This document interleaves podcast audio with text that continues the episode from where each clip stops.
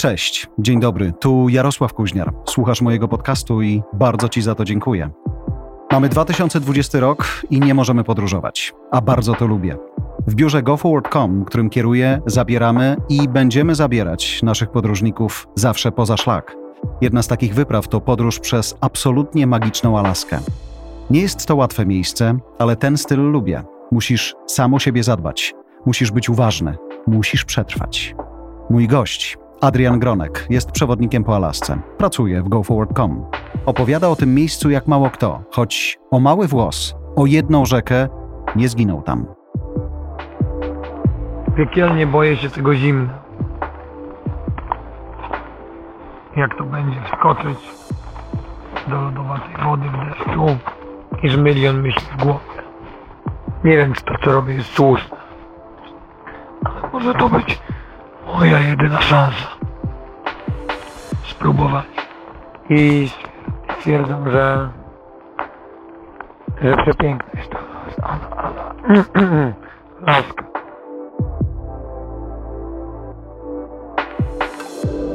Tęsknisz za Alaską? Tęsknię. Tęsknię za emocjami, tęsknię za przestrzenią, chociaż jestem w zupełnie innym momencie życia, bo Alaska była dla mnie takim etapem przygodowym w życiu, który kosztował mnie bardzo dużo, któremu było podporządkowane życie też moje osobiste. Dzisiaj ono wygląda zupełnie inaczej i ten wymiar, w którym ja poznawałem Alaskę, dziś wydawałby mi się trudny do zrealizowania, choćby ze względu na to, że mam roczne dziecko i O to chciałem zapytać, czy tata Adrian pojechałby na Alaskę, czy już nie?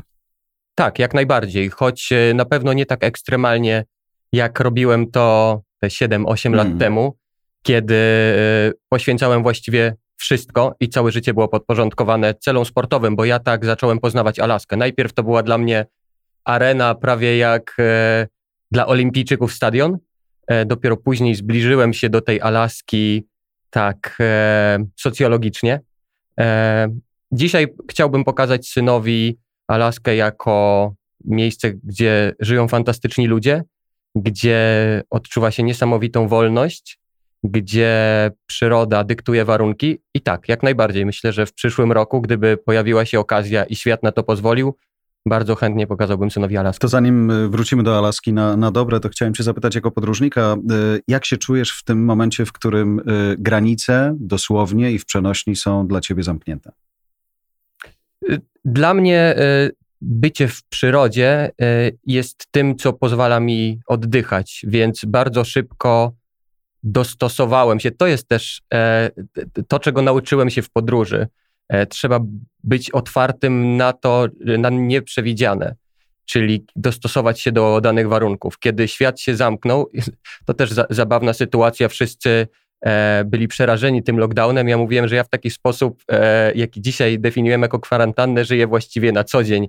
Pracuję w domu od bardzo dawna, mam las 200 metrów od domu i po prostu do niego wychodzę w każdej wolnej chwili, więc dla mnie wiele się nie zmieniło.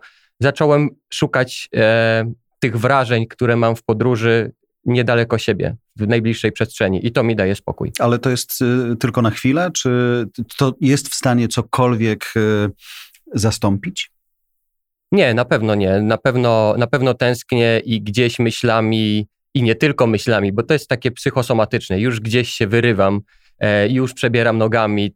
To jest też niesamowite, że kiedy rozmawiamy o Alasce, ja już gdzieś czuję w- skórze, w ciele pe- pewne wrażenia. One gdzieś głęboko też we mnie e, zostały.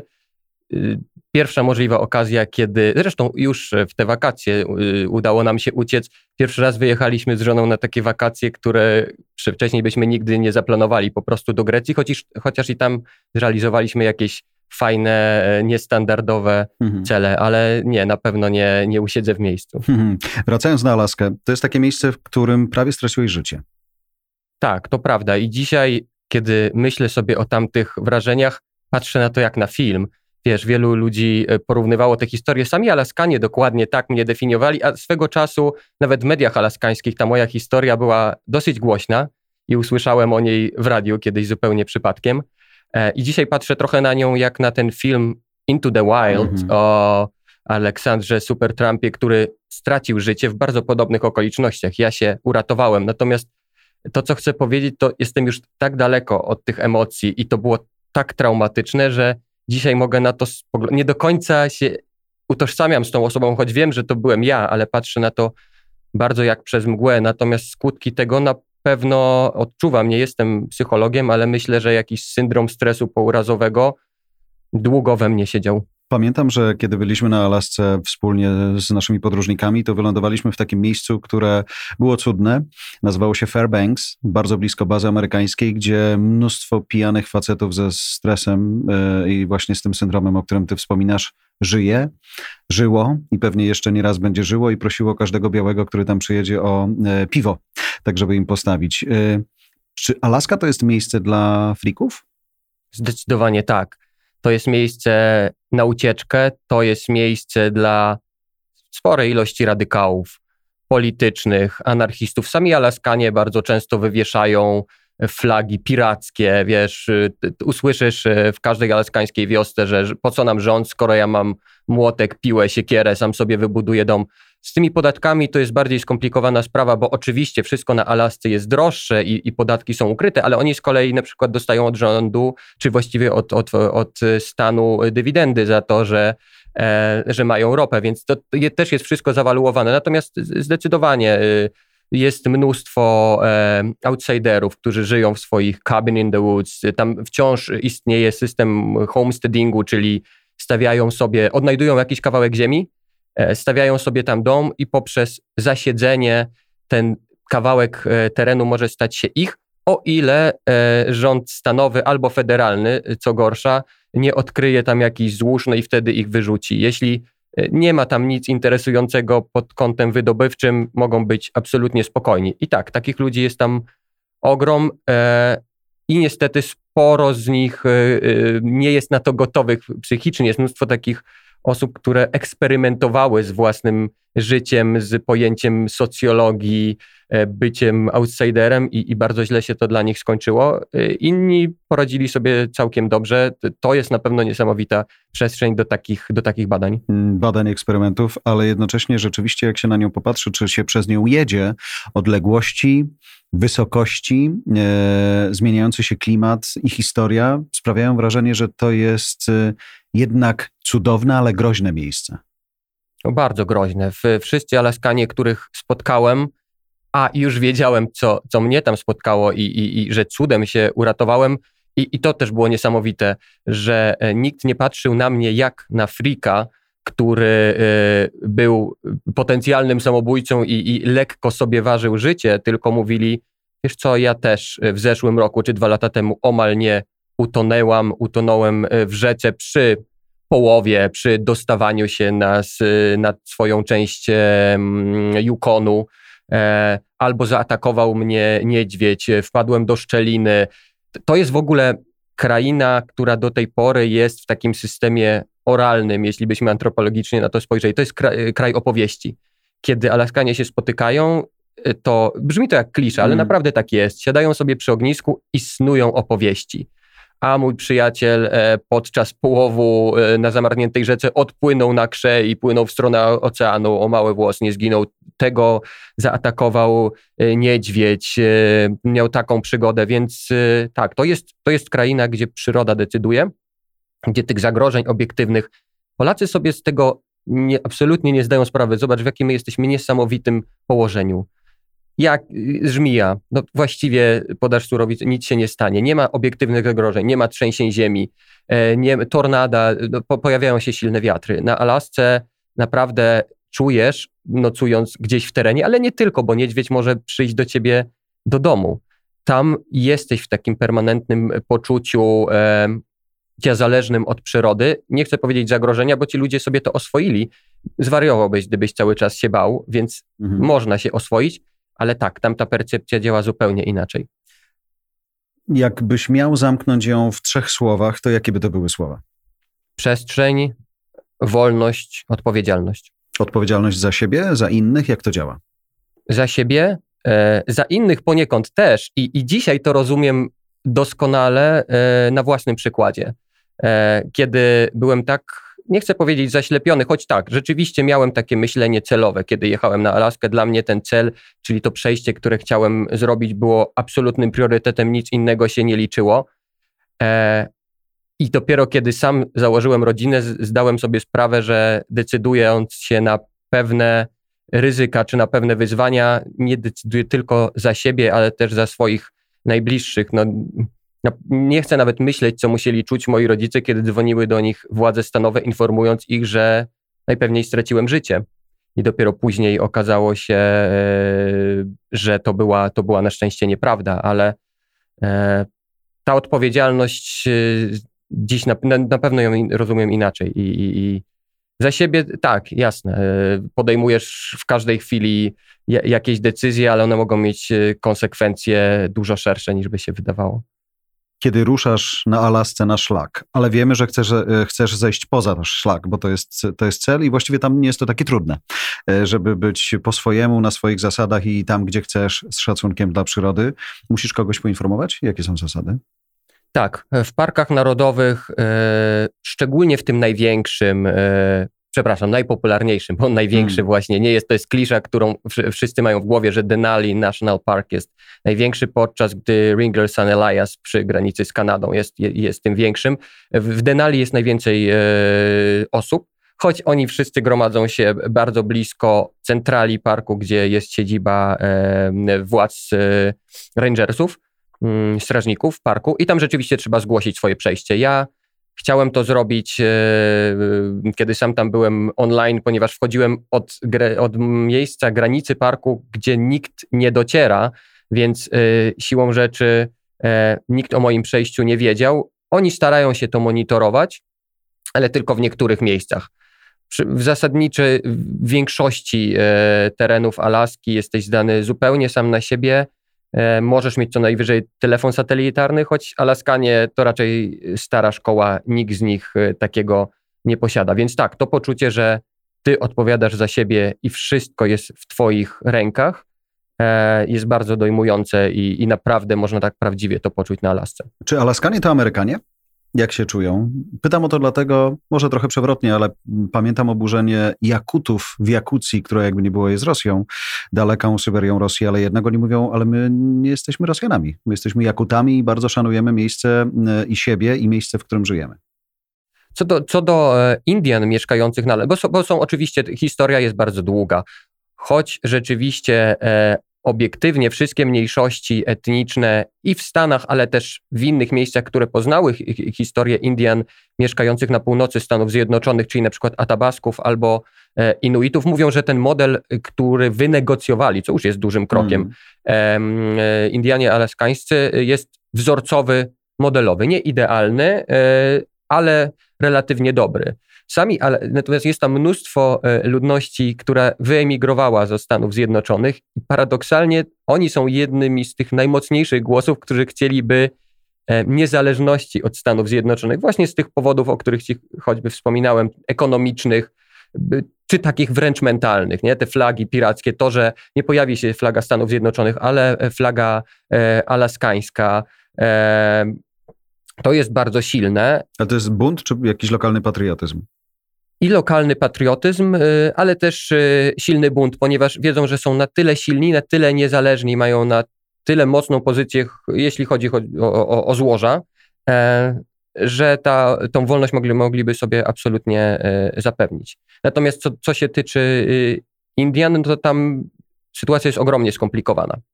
Jest mnóstwo e, patologii, wypaczeń aczkolwiek jest też e, sporo przykładów na to, że Indianie sobie dobrze poradzili.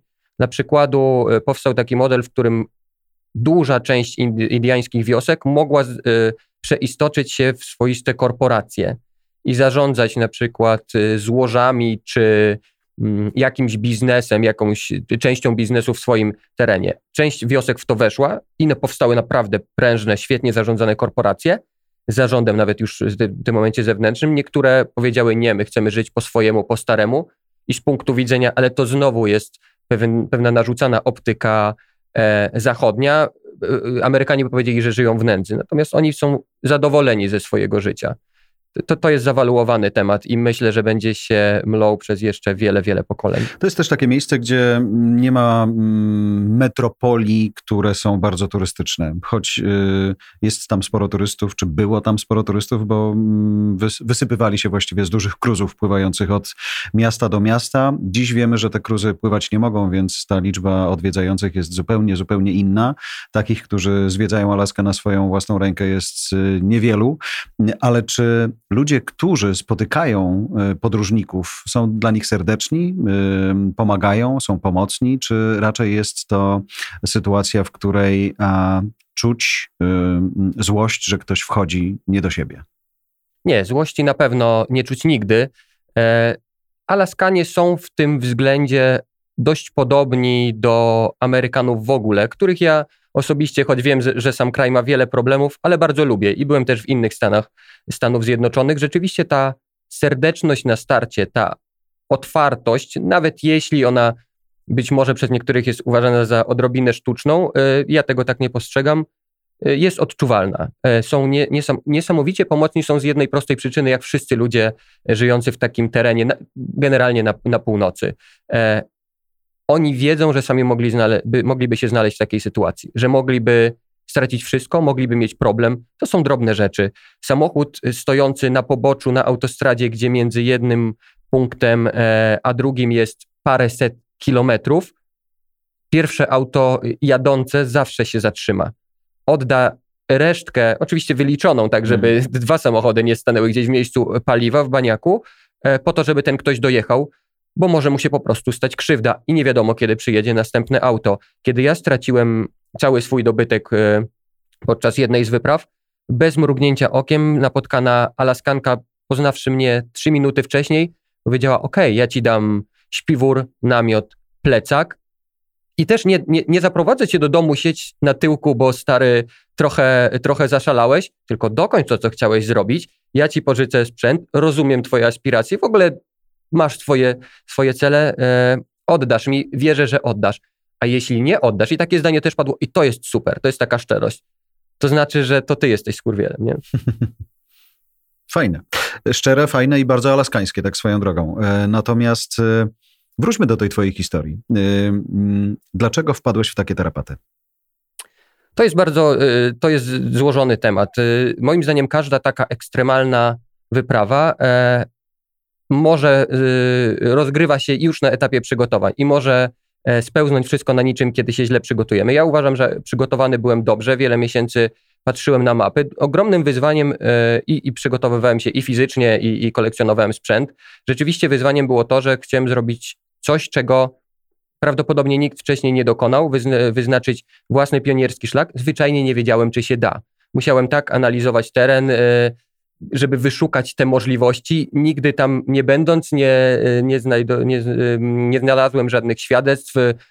Mapy satelitarne no, nie powiedzą ci, ten teren się zmienia, lodowce się zmieniają, rzeki nagle e, są szersze. E, musiałem, zdawałem sobie sprawę, że będę musiał być e, elastyczny. Wiedziałem, że będę poza cywilizacją długie tygodnie, właściwie miesiące. Łącznie byłem cztery tygodnie bez kontaktu z nikim, ze światem, zdany sam na siebie. Pogoda na Alasce jest bardzo wymagająca. Ona w tym czasie, kiedy ja byłem, e, była fatalna po prostu. Padał deszcz e, ciągiem non-stop przez dwa tygodnie, bez sekundy przerwy.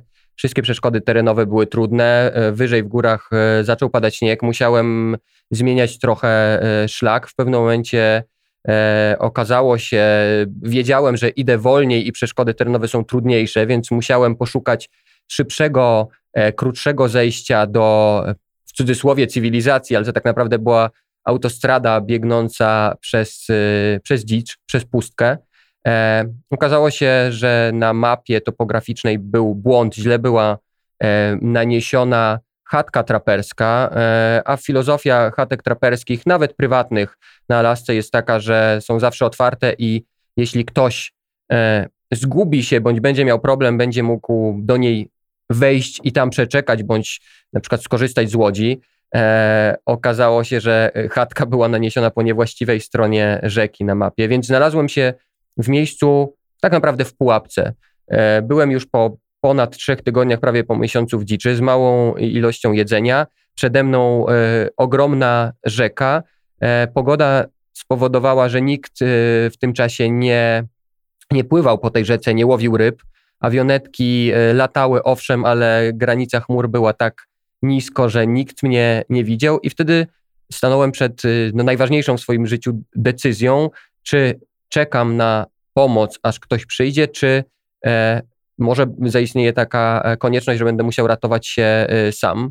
Znałem teorię, wiedziałem i, i, i sporo świadectw przeczytałem, mm, że najgorsze w takich sytuacjach jest marazm, nie posiadanie planu, czyli jeśli będę zagrzebię się w śpiworze, będę sobie jadł, będzie mi ciepło, przyjemnie i będę czekał na pomoc, to najpewniej w pewnym momencie już e, moja świadomość zacznie gdzieś lawirować i stracę dużo sił, po prostu zostanę na zawsze w tym, w tym śpiworze. Więc postanowiłem sobie jasno, że jeśli do określonego dnia, określonej godziny nic się nie zmieni, to muszę mieć plan awaryjny, autoratunkowy i muszę przez, e, no bo tym wyzwaniem było pokonanie e, rzeki, która, żeby dać temu wyobrażenie, miała 900 metrów szerokości, czyli taka dwa razy warszawska Wisła. Będę musiał ją e, poprzecinana jakimiś tam łachami i mieliznami, ale jednak cały czas e, woda otwarta. Będę musiał ją jakoś pokonać e, samemu i no i tak się niestety stało i, i, i niestety, no to to było jedyna, jedyne wyjście, jak się później okazało, bo um, pierwsze osoby, które dotarły w to miejsce, e, znalazły się tam po roku, więc post factum wiem, że gdybym nie podjął tej decyzji, to znaleźliby nie pusty namiot, ale mnie martwego w tym pustym namiocie. Jak znalazłeś miejsce na tej rzece, żeby przejść do życia? Ja musiałem, ja musiałem rzucać się w nurt otwartej e, wody wielokrotnie. E, wtedy działa prosta zasada: nie ma sensu walczyć z nurtem, próbować płynąć, bo i tak e, nurt wyrzuci cię gdzieś na mieliznę czy na płytsze miejsce, nie ma sensu tracić sił. To był wrzesień, to był 11 września to też jest symboliczna data. Było potwornie zimno, nie chcę wiedzieć, ile stopni miała woda, kilka. Traci się momentalnie czucie w tej wodzie, więc nawet kiedy wyrzucało mnie na tę mieliznę, ja nie byłem w stanie się poruszać, nie byłem w stanie ruszyć nogą, ręką, właściwie jakbym był sparaliżowany. Czołgałem się, potem odzyskiwałem odrobinę y, krążenia w ciele, w, w kończynach i mogłem e, tylko że nigdy e, poza jedną taką wysepką nie wychodziłem z wody do pasa, e, najmniej do kolan, ale myślę, że najczęściej do pasa. Nawet e, jeśli to nie był otwarty, wartki, taki głęboki odcinek rzeki, to musiałem przez tę wodę brodzić, szukając płytkiego przejścia, a i tak po paru dziesięciu metrach dochodziłem do głębokiego odcinka wody. E, Co wtedy? Rzucałem się w nurt i musiałem e, dać się porywać i płynąć z nim dalej, bo e, to ja to wiem już teraz bardzo dobrze, bo to przeżyłem, że mamy w głowie taki wewnętrzny, wsteczny zegar, który mówi ci, że czasu masz już stary coraz mniej. To już nie jest moment na brodzenie, szukanie, dywagacje. Ty po prostu się ratuj, bo jeszcze godzina, dwie i ciebie nie ma. I to jest naprawdę głęboka, taka atawistyczna świadomość. Odcina ci też zmysły myślisz bardzo tunelowo, zadaniowo. Ja też pamiętam to jak przez mgłę. Jesteś po prostu tylko tu i teraz. Jest zadanie, ty widzisz ten drugi brzeg, jesteś tylko na tym skoncentrowany i tylko na tyle ekonomia energetyczna i gospodarka ciepła pozwala ci przetrwać. E, zrobiłem też jedną ważną rzecz, e, czyli do takiego worka e, wodoodpornego napompowałem dużo powietrza, zamknąłem go, przywiązałem do siebie i zrobiłem z niego taką boję, żeby mógł się utrzymać na powierzchni, bo były też jakieś wiry, jakieś dryfujące drewno, które mogło mnie wciągnąć. E, takich odcinków głębokich, gdzie musiałem płynąć, pewnie było z, z 5, 6, e, może 7. E, całość tej rzeki pokonywałem, jak potem sobie rekonstruowałem, być może nawet 7 godzin. To, no to jest nie do wyobrażenia, dlatego tak trudno mi dzisiaj o tym myśleć, kiedy siedzimy sobie w studiu. E, ja potem wrócę sobie do domu, e, przytulę żonę i syna, a a mogło to wyglądać y, zupełnie inaczej albo nie wyglądać właściwie wcale. 900 metrów w 7 godzin. Tak. Na początku miałem takie, wiesz, to jest tak fizyczny, okrutny ból, hipotermia, kiedy, y, bo to, to jest nie, nie, nie do opisania, ale jednocześnie, kiedy jeszcze masz odrobinę więcej siły, to głowa zaczyna kombinować. Czyli myślałem, no nie, zatrzymam się na tej y, łasze, y, poczekam na pomoc, wezwę helikopter. Po czym walnąłem się głowę, mówię, stary, nie, musisz płynąć, biegnij. I, I na początku też rzucenie się, po, będąc do pasa, e, czułem się bezpieczny, ale kiedy wiedziałem, że muszę rzucić się do głębokiej wody i płynąć z tym nurtem, to miałem taki mental block, że, że, że byłem przez, pewnie przez długi czas e, sparaliżowany. A później już wiedziałem, że nie ma czasu na te decyzje, po prostu rozpędzałem się, wskakiwałem i, i płynąłem. Gdzieś po drodze, jak przez mgłę pamiętam, że musiałem się e, trzymać dryfującego drewna, łapać oddech, gdzieś porwał mnie jakiś wirus nie do końca to pamiętam, bo tak jak mówię, te zmysły się totalnie wyłączają. E, najgorsze jednak e, było to, kiedy ostatecznie rzeka wyrzuciła mnie na drugi brzeg, na jakiś meander. E, oczywiście nie mogłem się podnieść, więc to długo trwało, ale wreszcie jakoś tam stanąłem na nogi i myślałem, że będę bezpieczny, podczas gdy e, rzeka wyrzuciła mnie dużo dalej niż zakładałem i tam były mokradła. I wtedy moja głowa i moje ciało powiedziały: Stop, stary, miało więcej wody nie być my żeśmy zagospodarowali tylko tyle sił, żebyś przeszedł na drugi brzeg. Teraz ni sekundy więcej w wodzie nie będę. I to był ten krytyczny moment, e, kiedy tak naprawdę e, no myślałem, że, że, że, że to już koniec, bo ciało nie, nie, nie było w stanie pójść ni centymetra dalej. Po prostu się poddało, e, bo musiałbym brodzić w bagnach. Mm, ja sam mało kiedyś nie, nie zginąłem w bagnach, więc y, trudno mi nawet sobie to wyobrazić, kiedy bez siły wiesz, że musisz je pokonać, ale pamiętam, że to jak one wciągają i to jak jesteś bezsilny, gdyby nie kumpel, którego nawet imienia już teraz nie pamiętam, mieliśmy może z 12 lat, y, nie podał kija i nie wyciągnął, no to, to, to harcerstwo zapamiętałby właśnie w ten sposób. Ale a w takim razie jak przyszedł ratunek?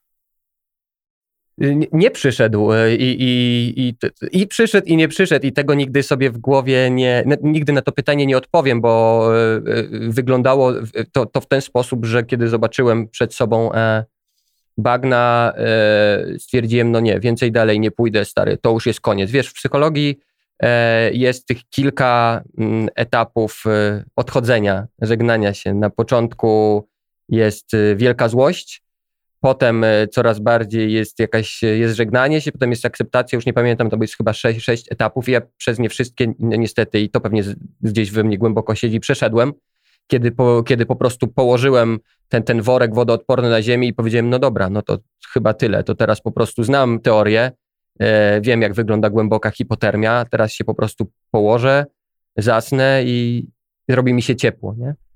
I, I, prawdopodobnie tak się już zaczęło dziać e, i straciłem pewnie na jakiś czas przytomność i wydarzyło się e, właśnie coś, czego nie umiem nijak nazwać, bo wybudził mnie wielki huk, warkot e, jakiegoś silnika.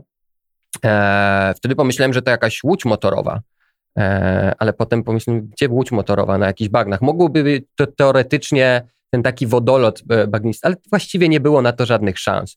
Więc ja się wybudziłem, e, rozejrzałem, niczego nie zobaczyłem, ale zacząłem, e, próbowałem zacząć krzyczeć, ale w takim momencie e, nie masz żadnej siły, to nawet pisk się z gardła nie wydobywa.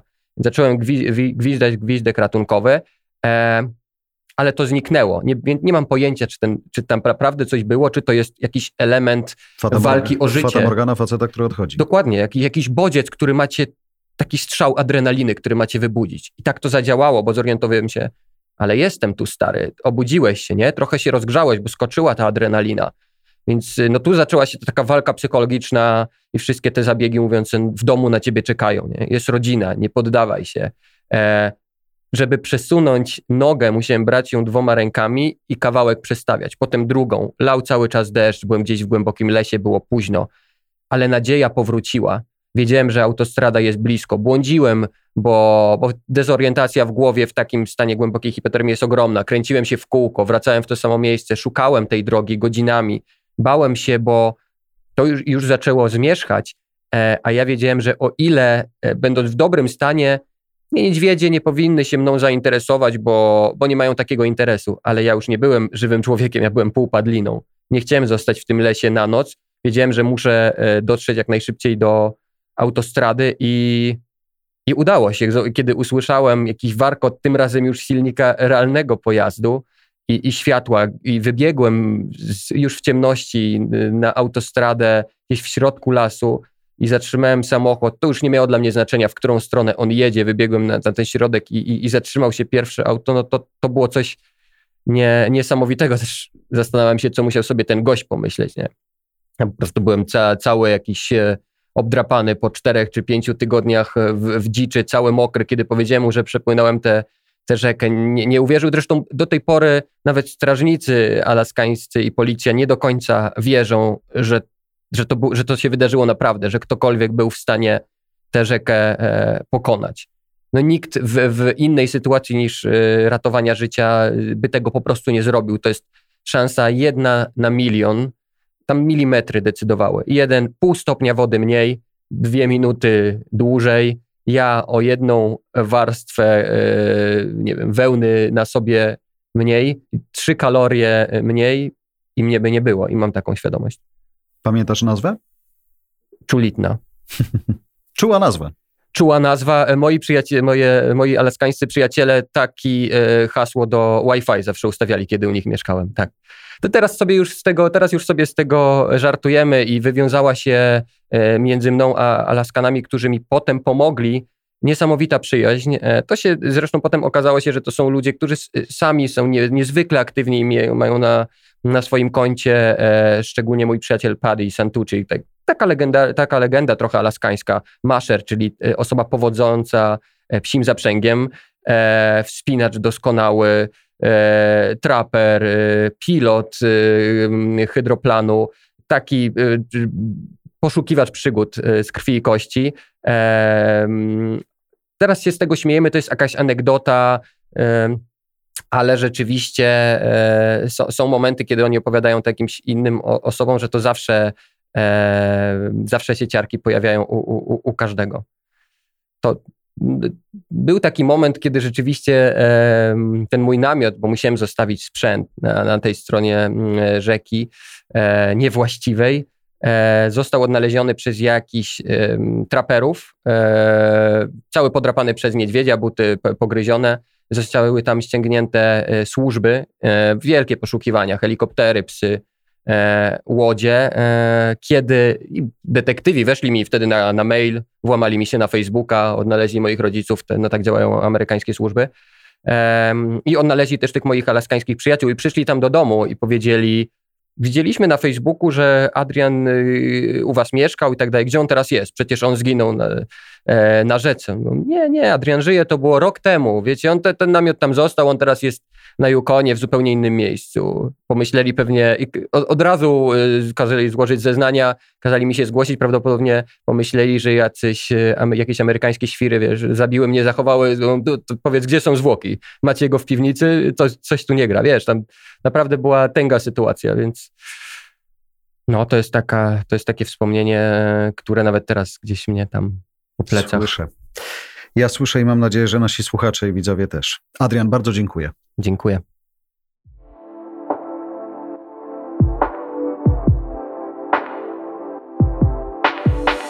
Przyjechałem też tutaj tak naprawdę zmierzyć się z tą dziczą, sprawdzić jak to jest przetrwać na Alasce.